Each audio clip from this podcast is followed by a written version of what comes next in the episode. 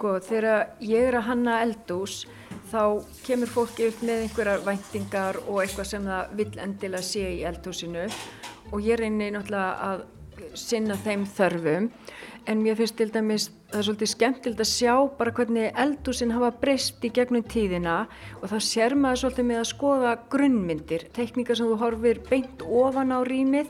Það segja svolítið mikið til um filosófíuna í því rými sem þú ert að hanna og maður sér á grunnmyndum að, að það voru til dæmis áður þá voru símaherbyggi og húsbóndaherbyggi og vinnukonu yngangur og allt þetta. Og þetta heyri bara sögunni til í dag en í sambandi við eldúsin þá sér maður þessa breytingu að þau, hafa, þau voru yfirleitt svona eins og einhver lokaður vinnustadur jafnveg lítið rými þar sem maður var kannski bara ein kona og, kannski efna meir í heimilum voru fleiri, einhverja vinnukonu líka að vinna. Síðan var bara borstón einhver heilagur staður en eldúsi var alveg lokað. Og svo eru náttúrulega marga kenninga til um það að hverju er eldúsið, að hverju hefur það að vera opnast. Og það eru margar kenningar um það. Og ég ímynda mér að það sé eitthvað með, hafi með jafnbreytti að gera að engin nútíma kona myndi sætta sig við að vera lokuð inn í einhverju litlu rými meira hluta dagsin sem betur fer. Hjón vinna miklu meira saman í eldhúsinu og jáfnvel ekki bara hjónin heldur eru börnin tekin meira inn í þau að hjálpa til og þetta er ekki svona einsmanns sena eins og þetta var Því eldhús eru orðið svona aðal samverustafurinn í húsinu. Þegar hinni vinnunni líkur þá sapnast allir saman þar og svo er mikið um að börn sé að læra heima í eldhúsinu. Hvað er svona merkilegt við það að vera karlmaður? Er það eitthvað sérstak? Hvað er svona merkilegt við það að bóri veg?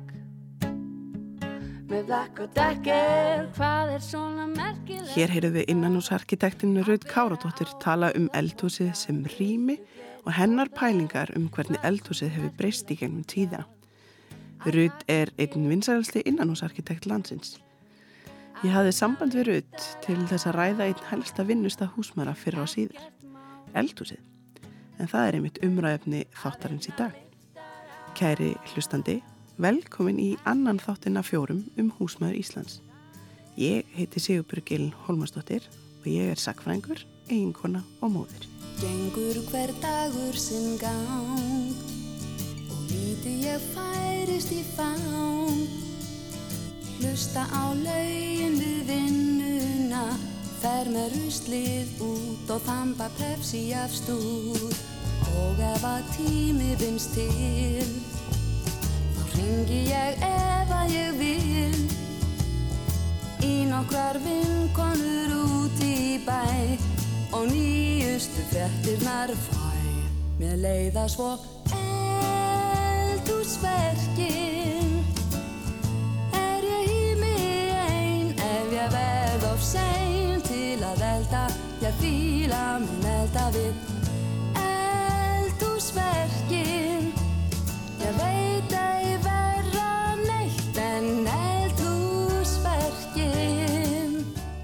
Ertu djarfur í eldhúsinu? Sjö ástæður fyrir fjölskyldana borða saman. Eldhústrend sem eru komin úr tísku. Svon eru eldhús hinnar ríku og frægu og eldhúsin sem er að gera allt vitlust. Nei, hlustandi góður, þetta er ekki fyrirsagnir um eldhús sem er að ganga á göblónum, heldur sína þessar fyrirsagnir hversu mikið við skrifum, lesum og hugsum um eldhús. Eldhús eru oftar en ekki kölluð hjarta heimilisins sem er orðræða um eldhús sem fyrst sást upp úr setni heimstyröld í Nóri. Norski fræðimæðurinn Gró Hamen hefur skrifað um þróun norska eldhúsins frá 1920 til 1970 þar sem hún skiptir þróun upp í tvo hlauta, vinnu eldhúsið og yfir eldhúsið. Hjarta heimilisins er orðasamband sem á rætur að reyka til yfir eldhúsins þar sem eldhúsið átt að vera vistarvera fyrir saminningu og samvistir en þessi lýsing á eldhúsinu hendar yfirleitt vel en þann dag í dag. Ég spurði Rut hvort að henni finnist eldhúsið vera hjarta heimilsins. Já, mér finnst það. Mér finnst einhvern veginn svona þegar fólk hafi lítinn tíma og vinnu mikið og kemur heim eftir kannski langa vinnudag þá er kannski ekki endilega tími til þess að setjast inn í stofu og ræða málinn eða þannig að það er kannski kvöldmaturinn er kannski svona aðal tíminn sem fjölskyldan á saman og þá er eldúsi náttúrulega mjög mikilvægt. Og svo finnst mér líka svolítið skemmtilegt að fólk hefur verið að útvika þessa hugmyndum eldús að því að margir er að grilla með því að opna út í gard og hérna og búa til svona svo kallið úti eldús og það, fólk sem er hægt að fara í útilegur það, því finnst kannski bara spennandi að sitja með börnunum úti í, í rigningu og róki og borða því að þú getur náttúrulega búið til gott skjól og þá ertu kannski svona búin að búið til aðra stemmingu og stækka húsið í leiðinu eða íbúðina. Hér tala Rut um að það getur verið gott fyrir fjölskyldina að njóta kvöldmáltíðina saman.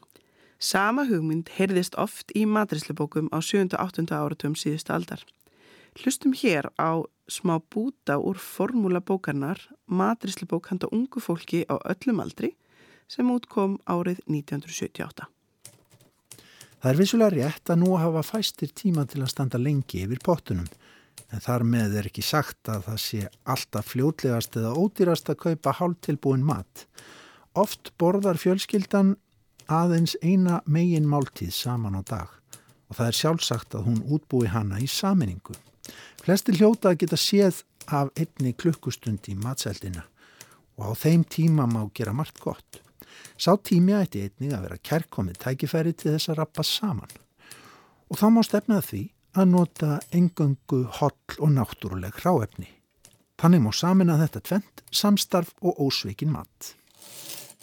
Nú gerum við kröfur um að við flokkum, við erum að reyna að vera umhverfisvætni og það hefur komið svolítið fram í hönnun og eldusum og þá hef, finnst mér tilneying til þess að loka eldurssonum aftur meira og ég held að komi til út af því að það er ekki gaman að sitja kannski inn í stofu og horfa síðan á einhverja plastalla með flokkunadóti og þannig að mér finnst kannski nummer 1 og 3 þegar maður er að hanna fyrir fólk, hvort sem það er eldurs eða eitthvað annað, að fólk hugsi svolítið hreinskilnislega hvernig vinn ég í eldursinu, hvernig heimili vil ég hafa í staðan fyrir að vera kannski bara að horfa á einhverja tísku, opið eldhús með stóri eigu.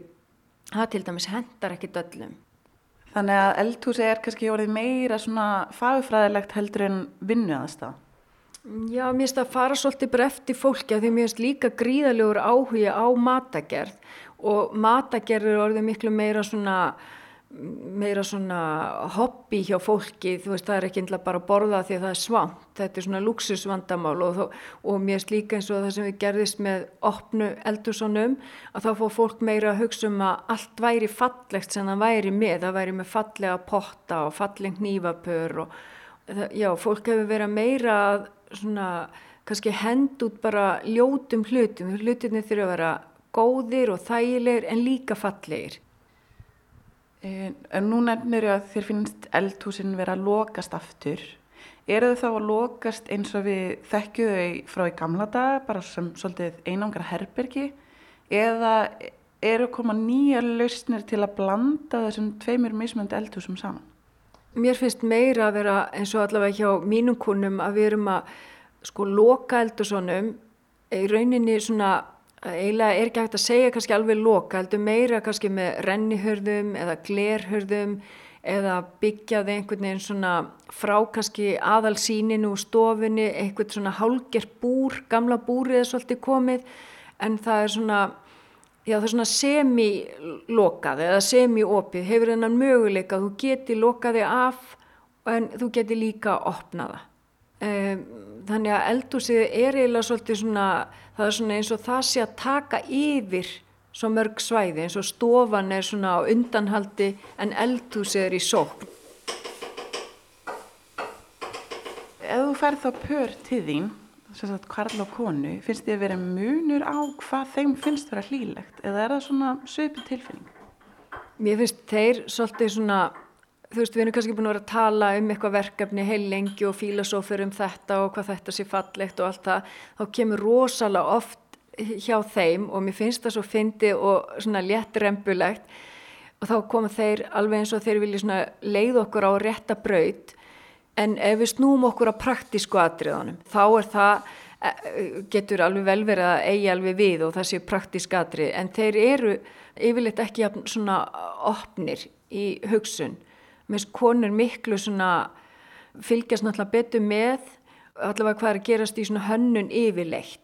En þeir koma mjög oft með þetta en ef við snúum okkur á praktísku atriðunum og það getur líka vel verið að þeim finnst við vera búin að bladra allt og mikið um alls konar hluti sem skipt ekki máli en það er oft í þessu flæði hjá konum held ég.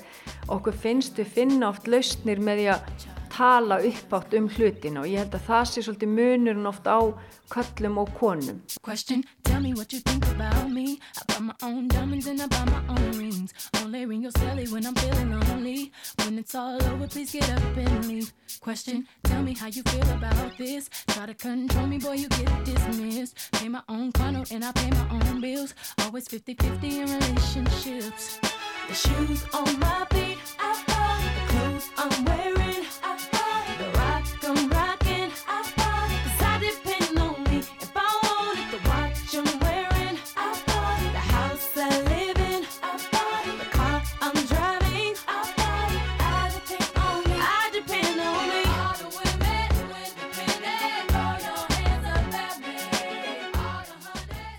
kannski bara svona almennara að konur hafi bara meiri áhuga á heimilinu. Ég held að þetta sé kannski líka bara leifar af þessu gamla bara þessari verkaskiptingu sem var. Það þarf alls ekkert að vera neikvægt en það er bara yfirleitt að hafa konur meiri áhuga alveg og við vorum að tala um ef að það er kannski ekki fallegt heimili þá er það yfirleitt konin að kenna innan gæsalappa. Er, þetta er svona hennarsvið. Við erum oft komin ótrúlega skamt í jafnbreytti þó okkur finnist allt vera svona allavega yfirborðinu við séum mjög jafnbreytti sinni þá er samt svona og þetta er ekkert eitthvað alvarlegt það er engin skaði en þetta er bara svona síni samt hvar við stöndum. Við erum alveg með gamla hugsunarháttin. Ef barnir í skítur í peysu þau sem allir mamman viti ekki af því. Þetta er bara svo grönt á þessu ég held að konur séu marga bara bugast af því þær eru bara að reyna til japsu kallana út á við en svo er megin þungi heimilsins er á herðum kvenna og ef það er öðrisi eins og, þá, eins og bara er heima hjá mér þá, þá er það náttúrulega svolítið skrítið að eigimadurinn vestla alltaf, ég veit ekkert hvar bónus er, ég fer aldrei inn í bónus nema þegar mér langar rosalega mikið í súkulaði eða eitthvað og það þykir bara sérstakt. Við viljum svolítið allir séu bara eins en svo er þetta fjölbreytilegt og personabundið en, en svona þráðurinn finnst mér vera að að þetta er svolítið svið hvenna. Finnst þér vera meiri breytinga á því kannski að börnin séu að taka þátt, meiri þátt í eldurstörfum en áður? Já þau kannski þurfa bara meira að retta sér að því það er ekki sér þjónusta sem var, það er engin heima þegar þau koma heima að breyti onnið eða matin eða smyrja bröðsni eða eitthvað slíkt. Þannig að þau, hafa, þau eru svolítið að retta sér og, og sem er bara frábært og, hérna, og já, mér finnst þau svona eins og þau séu látin taka meiri þátt en það mætti öruglega vera meira því að þetta er bara starf sem hefur svolítið svona fallið á milli skips og bryggju vegna þess að það er enginn skrifaður fyrir þessu starfi í dag. Allavega þannig upplýfi ég það þannig að það er alveg svo með þrifin líka og alls konar svona hluti sem að það er enginn sem að tekur þetta alveg að sér og þá er svo oft sem að starfið einhvern veginn feitar bara út eða verður ekki til en þetta er samt starf sem þarf að vera þegar við vitum öll hvað þetta er mikið starf en það er kannski engin alveg að sinna því og mér finnst að allir á heimilinu ætti að sinna því. Þau getur skiptið á milli sín. Það er ekki hægt að ættast til að ein manneska sinni öllu þessu starfi. Þannig að þetta er svona þetta er samvinna og hvort sem það er í þvott, þvóttahús það er líka svona dæmi að, að það hefur verið svona hver fjölskyldi einstaklingur á sína skúfu fyrir sitt íþróttadót sem hann getur hent hreinum þotti í þegar búið er að þó og það er alls konar svona breytingar sem voru ekkert að því að það var manneski í fullu starfi í þessu en í dag er engin í þessu starfi. Og ég er ekki að hvetja því að konu var aftur inn á heimilin svo það sé alveg að reynu heldur bara mér finnst þetta að vera þetta er svona samvinna en getur líka verið bara verka skipting Mm. Gjörðu þið svo vel! Maturinn er tilbúinn! Kokki minn, maturinn er komin á borði. Hænurna hrættar. Hefa mín, gjörðu þið svo vel. Krakkar, Már, Silja, maturinn er til.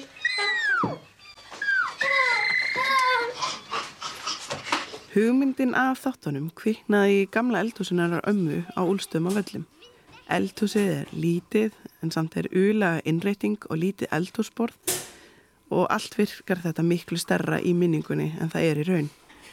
Í eldhúsinu var setið á kollum við eldhúsborðið og það er far í brún hvita veggfórunu þar sem afi kvíld alltaf aukslina á veggnum. Eldhúsi stendur ennþá, nánast eins og þegar amma afi fluttu út. Það er ennþá sjónuki í hillinu við glukkan, blundugartinu í glukkonum og rafa rauði eldhúsbekkurinn og allir skápanir standa eins og þeir hafa gert í tíu ára. En hvernig með eldhúsið ykkar, um, fegst þú eitthvað að koma því hvernig eldhúsið er þið hannað? Nei, þetta var óskup lítið. Jú, eldhús skáp hana. Ég hafði svolítið á, áhuga fyrir því að hafa e, e, efri skápa, góða efri skápa og þá var smiðurinn sem var, var að smíða hjá okkur innrætta, hann var nú bara bankastjóri hérna á veistu, hann saði, já ég skal aðtúa það með konuna mína, hún, hún teknaði nú einhver, einhver tíman eldhúsunettingu. Hún gerði það og hún stendur eða það það hefur engu verið breytt. Mér þóttir leiðilegast næstu skápanir, þeir voru svo djúpir inn. Það var erfitt að ná alveg inn í hodn. Manstu svona, voruð eitthvað svona spá í upp, út frá að þetta er þið vinnuð aðstað eða vildur þú skapa einhver svona ákvaða stemmingu í eldhúsinu eða þetta væri? Nei, nei, bara. Bara ef maður fekk það sem maður þurfti að nota þá var það bara gott. Mm. Þið voru með lítið eldhúsborð þannig að það var hægt að sitja inn í eldhúsi. Já, já, já. Það voru hægt að koma einn 7-8 mannu við þetta litla borð. Allir er svo hissa, hissa nú, strák, hérna, vinnumenn hérna hjá mér, hjá okkur. Gáttu við verið öll hérna í þessu eldhús, segja það. Það er nefnilega svo stóri líka. Það er nú ekki stórt eldhúsið. Nei, það er ekki stórt. Nei. En þér fannst svona gott að geta haft fólk inn í eldhúsinni líka? Já, mjög gott. Men voru mikið í eldhúsinni hjá mér.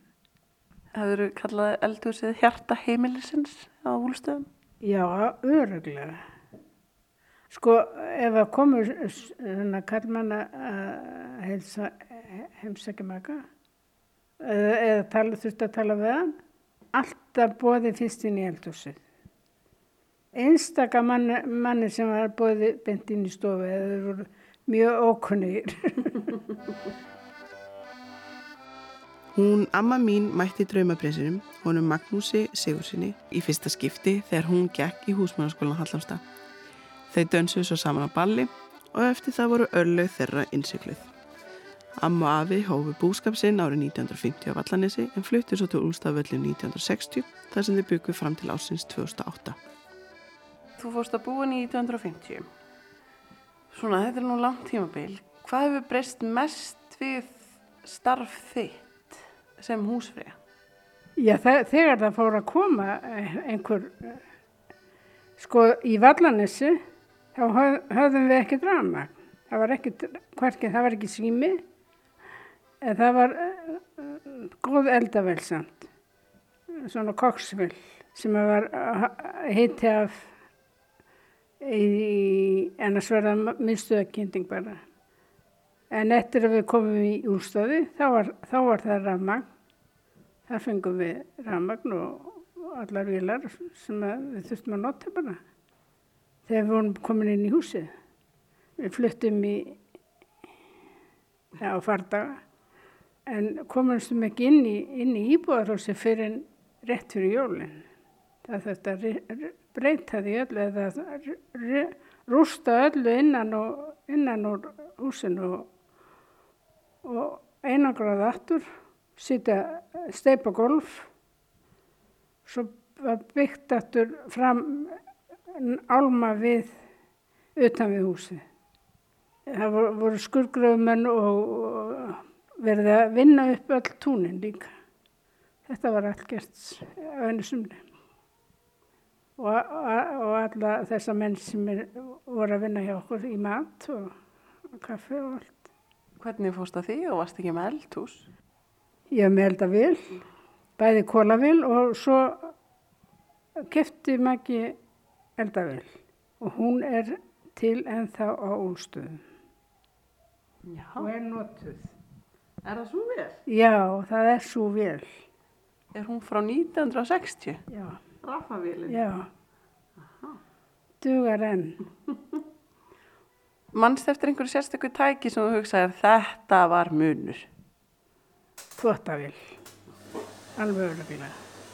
Ég var fyrst með bara litla svona þeytivindu.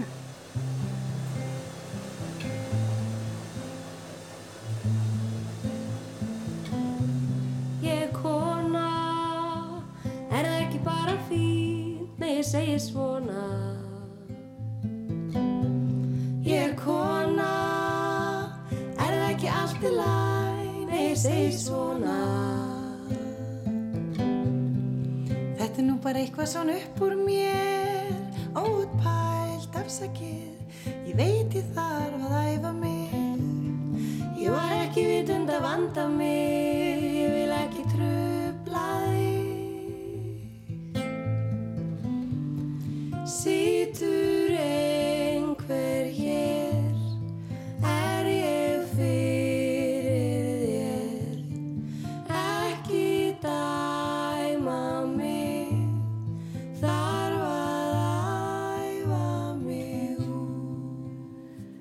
Eins og sagði frá í upphæða þáttar þá skipti norski fræðimaðurinn Gró Hagamann þróu norska eldhúsins í tvo hluta, vinnueldhúsið og ívereldhúsið. Hagamann telur að hugmyndin að baki hinnu nýja ívereldhúsi síni minkandi verkaskiptingu inn á heimilinu og að dreigið hafur þeirri einangrun sem fyllt hafði eldhúsinni fyrir konur. Því með aukinni þáttöku kvenna í atvinnu utan heimilis urði heimilistörun í auknumæli hópavinna unnin af fjölskyttumæðlumum. Svipið umræða var að vakna á Íslandi um miðbygg 20. aldar. Tvær konur, það Ragnhildur Pétursdóttir og Hulda Stefansdóttir, fluttu erindi á byggingarmálar ástætninni sem haldin var árið 1944 og lögðu þær báða fram spurninguna. Hvað er heimili án góðrar húsmöður? Hulda vildi meina að gott skipulag myndi leta konum innan bæjarstörfin og gera þau ánægilegri. Hulda var þó algjörlega á móti því að eldhúsin eriði einhvers konar íveru staður heimilisfólks. Aðeins þeir sem sæju um matargerð ættu að ganga um eldhús. Annar viðmælandi, hann Arnur Sigurjónsson, var á öndverðin meði og saðist ekki að var neitt á móti því að eldhúsið væri miðstöð heimilisins. Þar sem húsmöðurinn væri bundin eldhúsinu liðlangan daginn. Hlustum hér á Erlu Huldu Halldórsdóttir, prófessor í sakfræði. Ég er kona, er það ekki bara fín? að því vísar í þessa frábæri ráðstefna þarna 1944 og þar sjáum við það að þær segja bara beilinnis að hús voru ekki hönnuð með það fyrir augum að gera starf húsmáðurinnar auðveldara og þessi, þessi dæmigerðu hús kannski sem voru byggð viða til sveita og þremur hæðum svona kjallari sem var kannski halvuleiti niður grafin miðhæð og, og svo einhvers konar ris að kjallarinn var, þar var eldhúsið og þannig var það fyrstu árin eða jáfnvel áratugina, ég er ekki alveg viss hvenar því var breytt á, á bara því heimilega sem pappi minn fættist. En þegar ég elst upp og, og kem inn í þetta hús að þá er, er eldhúsið komið upp á aðra hæð og er miklu, á miklu þægilegri stað. Þetta trublaði konur og ég mitt á þessari byggingamála ráðstefnu er líka talað um og þar voru greinlega mjög skipta skoðanar því og, og virðist reyndar hafi verið bæði meðal kalla og kvenna sko hverjir ætti að hafa aðgang að eldhúsinu? Átti að hanna þetta þannig að eldhúsið væri bara svona svolítið lokaður heimur þar sem konan ein var og engin annar, annar að þvælast fyrir henni? Átti að vera opið í borstofuna hvernig einhvern veginn átti þetta að vera? Og nú skilst mér einmitt og, og, og við þekkjum þessi svona opnu rými samtímans og að þvíleitinu til eru kannski einmitt konur sem oft verandi eða til skamstíma meira heima. Ég er einhvern veginn alltaf að vona þetta sé alltaf að gjöra breytast út á fæðingarólofi kalla sem, eru, sem betur fer, sífælt meira einir heima með börnum sínum og fara kannski að hugsa þá á annan hátt um um heimilið skipulag þess og, og svona. En já, þetta er, konur eru öruglega farnar að hafa mikið meira með það að segja hvernig hlutirnir eru skipulaðar. Það var bara ekki hlustað á þær og við náttúrulega þekkjum það bara meina, þegar eins og Kristín Guðmundsdóttir arkitekt kemur heim, hvað er ekki miðbygg aldarinnar, cirka 20. aldar, kemur hún með þessa nýju hugmyndur fyrir hanna eldú sem eru svona praktísk og henda fyrir já, konur, af því að það var ekki gert ráð fyrir að kallarni væri mikið eldúsinu, en, en þá svona hugsa um einmitt praktíkinu og bara hvernig þú getur einhvern veginn teikt þig í skápanu og það sem þú þarft á að halda með því að, að vera samt kannski á sama staðun okkur veginn eða þú þarft ekki að, að ganga langa leiðir eða upp og niður bratta stiga og, og eitthvað slíkt. Þannig að þetta er svona samþætting kynja sjónar miða komið þarna, kynja sjónar komið þarna um miðja 2000 að þessu leiti að það skipti máli fyrir konur hvernig heimil eru skipulagt. En það þurfti samt konu til þess?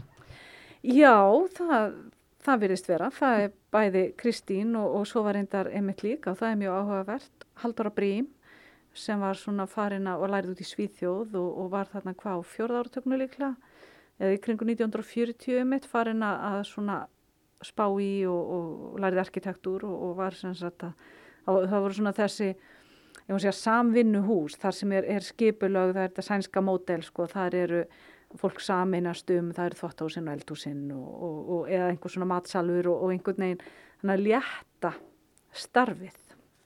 Árið 1947 skrifaði Nanna Ólastóttir svo í greininni Húsmóðurstarfið og framtíðin sem byrtist í tímaritinu Melkorku. Samfélagið við potta og pönnur mest allan daginn gefur tæplega tilefni til hástemdra hugleðinga. Kona framtíðarinnar mun ekki sætta sig við að velja annað hvort hjónaband ef að það lífstarf sem hugur hennar stendur til. Hún tekur hvort vekja ef henni býður svo við að horfa. En ef hún vilur húsmóðurstarfið sem aðalstarf, gætur hún þess vandlega að rjúfa aldrei með öllu böndin við atvinnulífið til þess að geta hvenar sem er snúið sér að því aftur, ef aðstæðurnar gefa tilefni til þess. Hún hafnar þeirri sæmt að vera þræll á eigin heimili og umfram allt afsalar hún sér óneitjungsstöðinni sem stofupríði. Til þeirra hluta eru stólar og borð gagleg. Heyrum hvað Nanna Rökkvaldóttir, matríslubókarhöfundur, hefur að segja um eldhús. Sko eldhúsin fyrir á eldum, þau voru kannski ekki mjög vel fallin til þess að vera hjarta heimilisins, þau voru eh, lítil og þau voru dimm, nánast gluggalauðs, eh, oft full af reik og og ég eh, sé nú ekki alveg fyrir mér að fólk hafi mikið setið þar og spjalla sko eh, svona mista hvort ekki á meðan að veri vera elda kannski. Það er frekar að sko að e, nágranna konunar hafi sest niður með kaffibotla eitthvað svoleiðis. En, en e, svo þegar ég var að halast upp ég alveg upp á sveitaheimili fyrir norðan sko þar var, var ekki spurninga eldhúsi var hjarta og heili heimilisins sko fór ekkit á milli mála. Það var ekki stórt en, en það var pláss fyrir alla þar sko. Tilverið þá að það hefur verið breyting að konur hafi kannski áður fyrir verið aðeins einangraðri inn í eldhúsinu eru eða fólk er núna? Ég veit það ekki, ég, sko allavega þar sem ég þekkti til þegar ég var krakki og, og unglingur þá var eldhúsið yfirleitt svona tölverðu kjarni og fólk var þar mikið og og satt þar ef að komu gestir sem að voru eh, heim sko sem að voru ekki þeim mun sjálfsíðar eða, eða svona fítni ef svo má segja þá var alltaf sett í eldhúsið og hvergi annar staðar sko. Hmm. yfirleitt sko eða mjög oft þá sáttu krakkarnir við eldhúsborðið að læra. Nei ég held að það hef ekkert endilega verið. Fyrir áöldum aftur á móti þá hefur það kannski verið. Þá voru konurnar einar í eldhúsinu við baukuðu þar í, í reik og súrnaði augum og mm. En svo hefur ég nú líka reynd að lesa að það talað um sko sjálfa eldavélina sem hjarta heimilsins.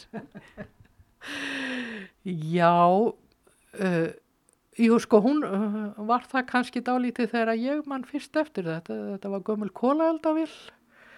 Svo kom gaseldavél sem var í einhver eitt eða tvö ár og svo kom rafmagnið og þá kom hann að selda vel en, en kólaeldavélin var samt þarna áfram í eldhúsinu og, og það stóð, og það var alltaf kveikt á henni því að hún var hluta til notu til að hýta upp hús og það var alltaf stór pottur á henni með sjóðandi vatni því að það var ekki rennandi hitt vatn sko. Þannig að ég man svo vel sko hlýjuna frá eldavélinni.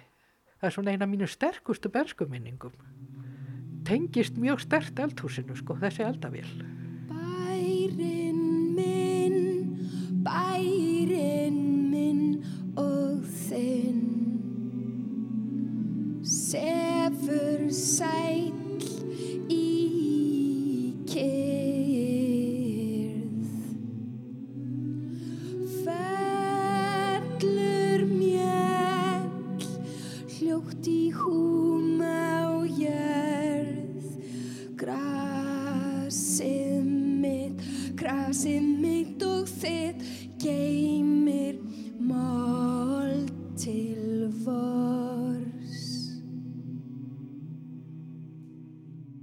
Sumarnótt fyrir austan, tímalaus kyrð, hvert lítið hljóð fer á stjá, flýgur á milli fjalla, sveimar yfir fyrði, skrýður upp dal. Ástarsöngur elskanda, kvíslið og pískrið sem fer á undan faðumlögum og eftir.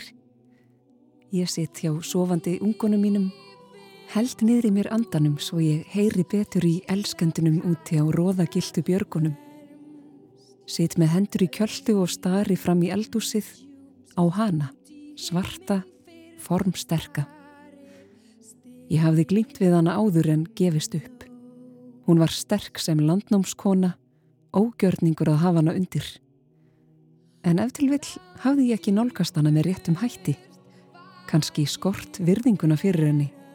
Hún sem hafði bjargað börnunum mínum, geimt eldin, æstan upp þar til húsið titraði í hitanum. Hljóð hennar höfðu verið minn ástarsöngur.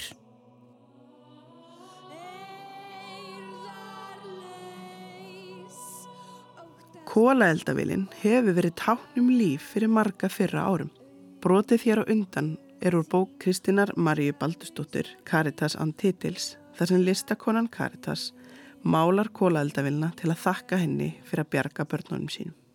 Ekki hefur eldhúsi sem rými bara breyst og færst til að heimilum okkar heldur virist áherslan á hvað eldhúsi er fyrir okkur breyst.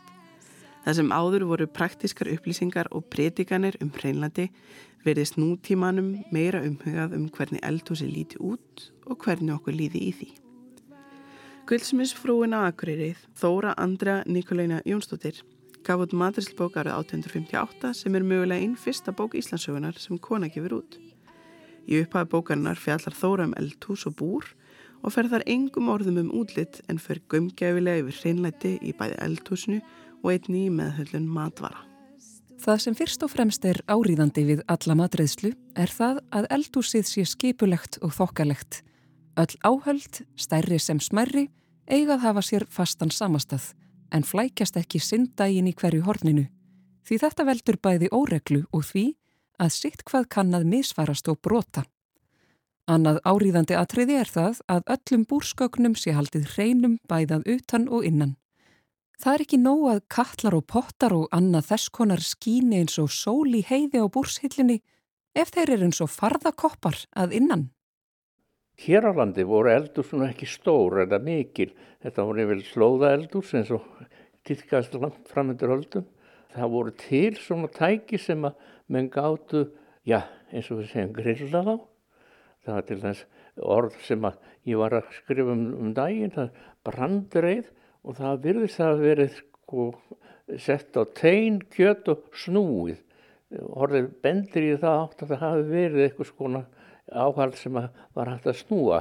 En þetta orð brandreið hefur yfirlt verið tólka sem að þetta sé bara rista á, á opnu eldsvæði.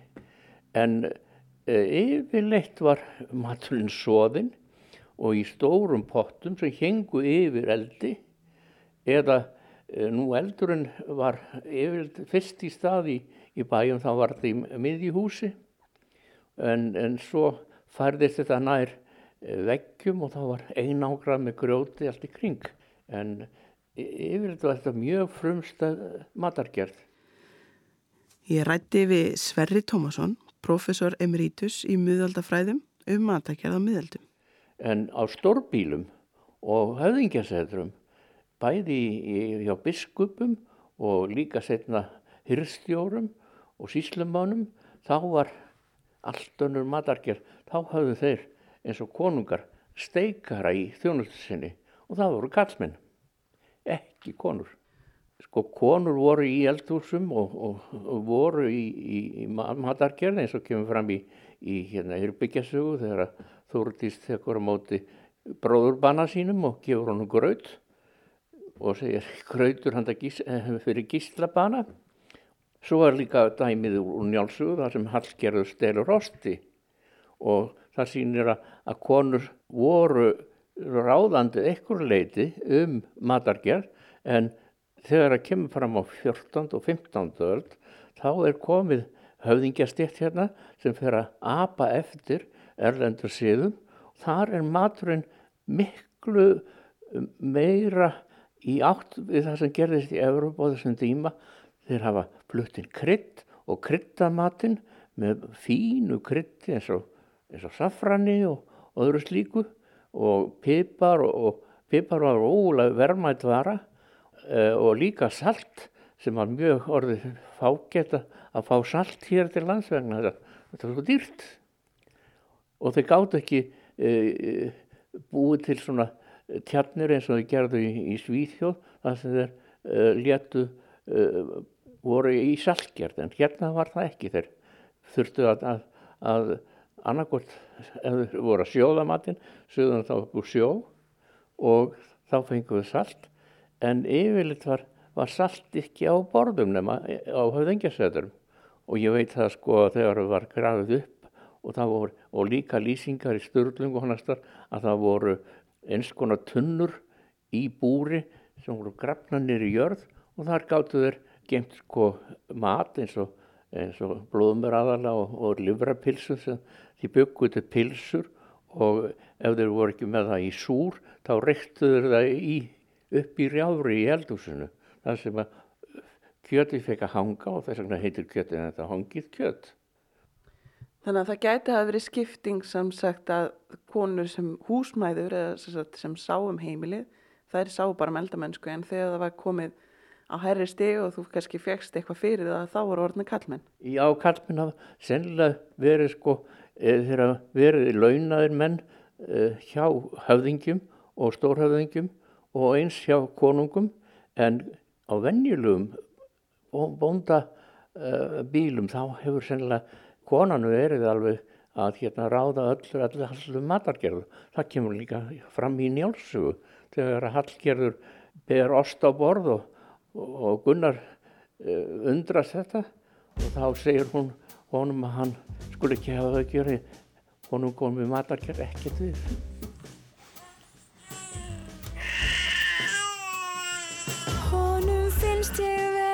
flottust hér á jörg Ef ég samsinni hans skoðun út í eitt. Og meiri hátt að segja ekki neitt.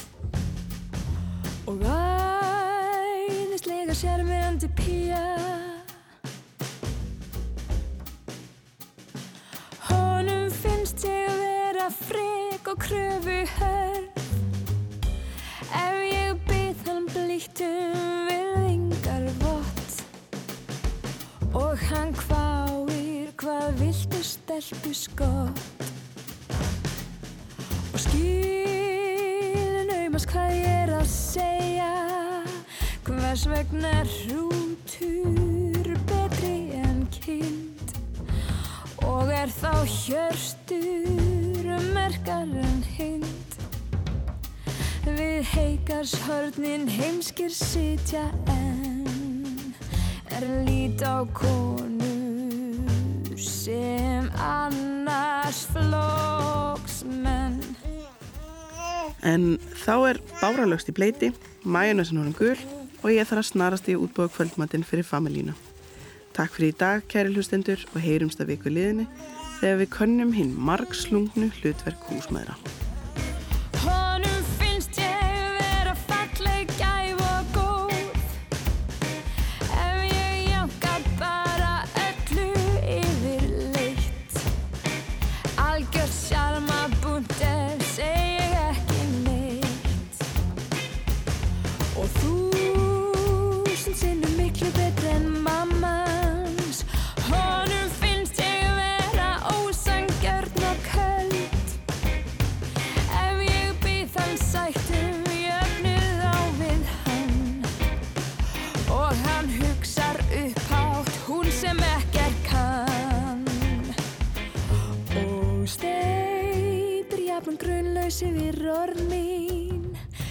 Þess vegna hrútur betri en kind og er þá hjörtur merkar en hind. Við heikarshornin heimskir sitja en er lít á konur sem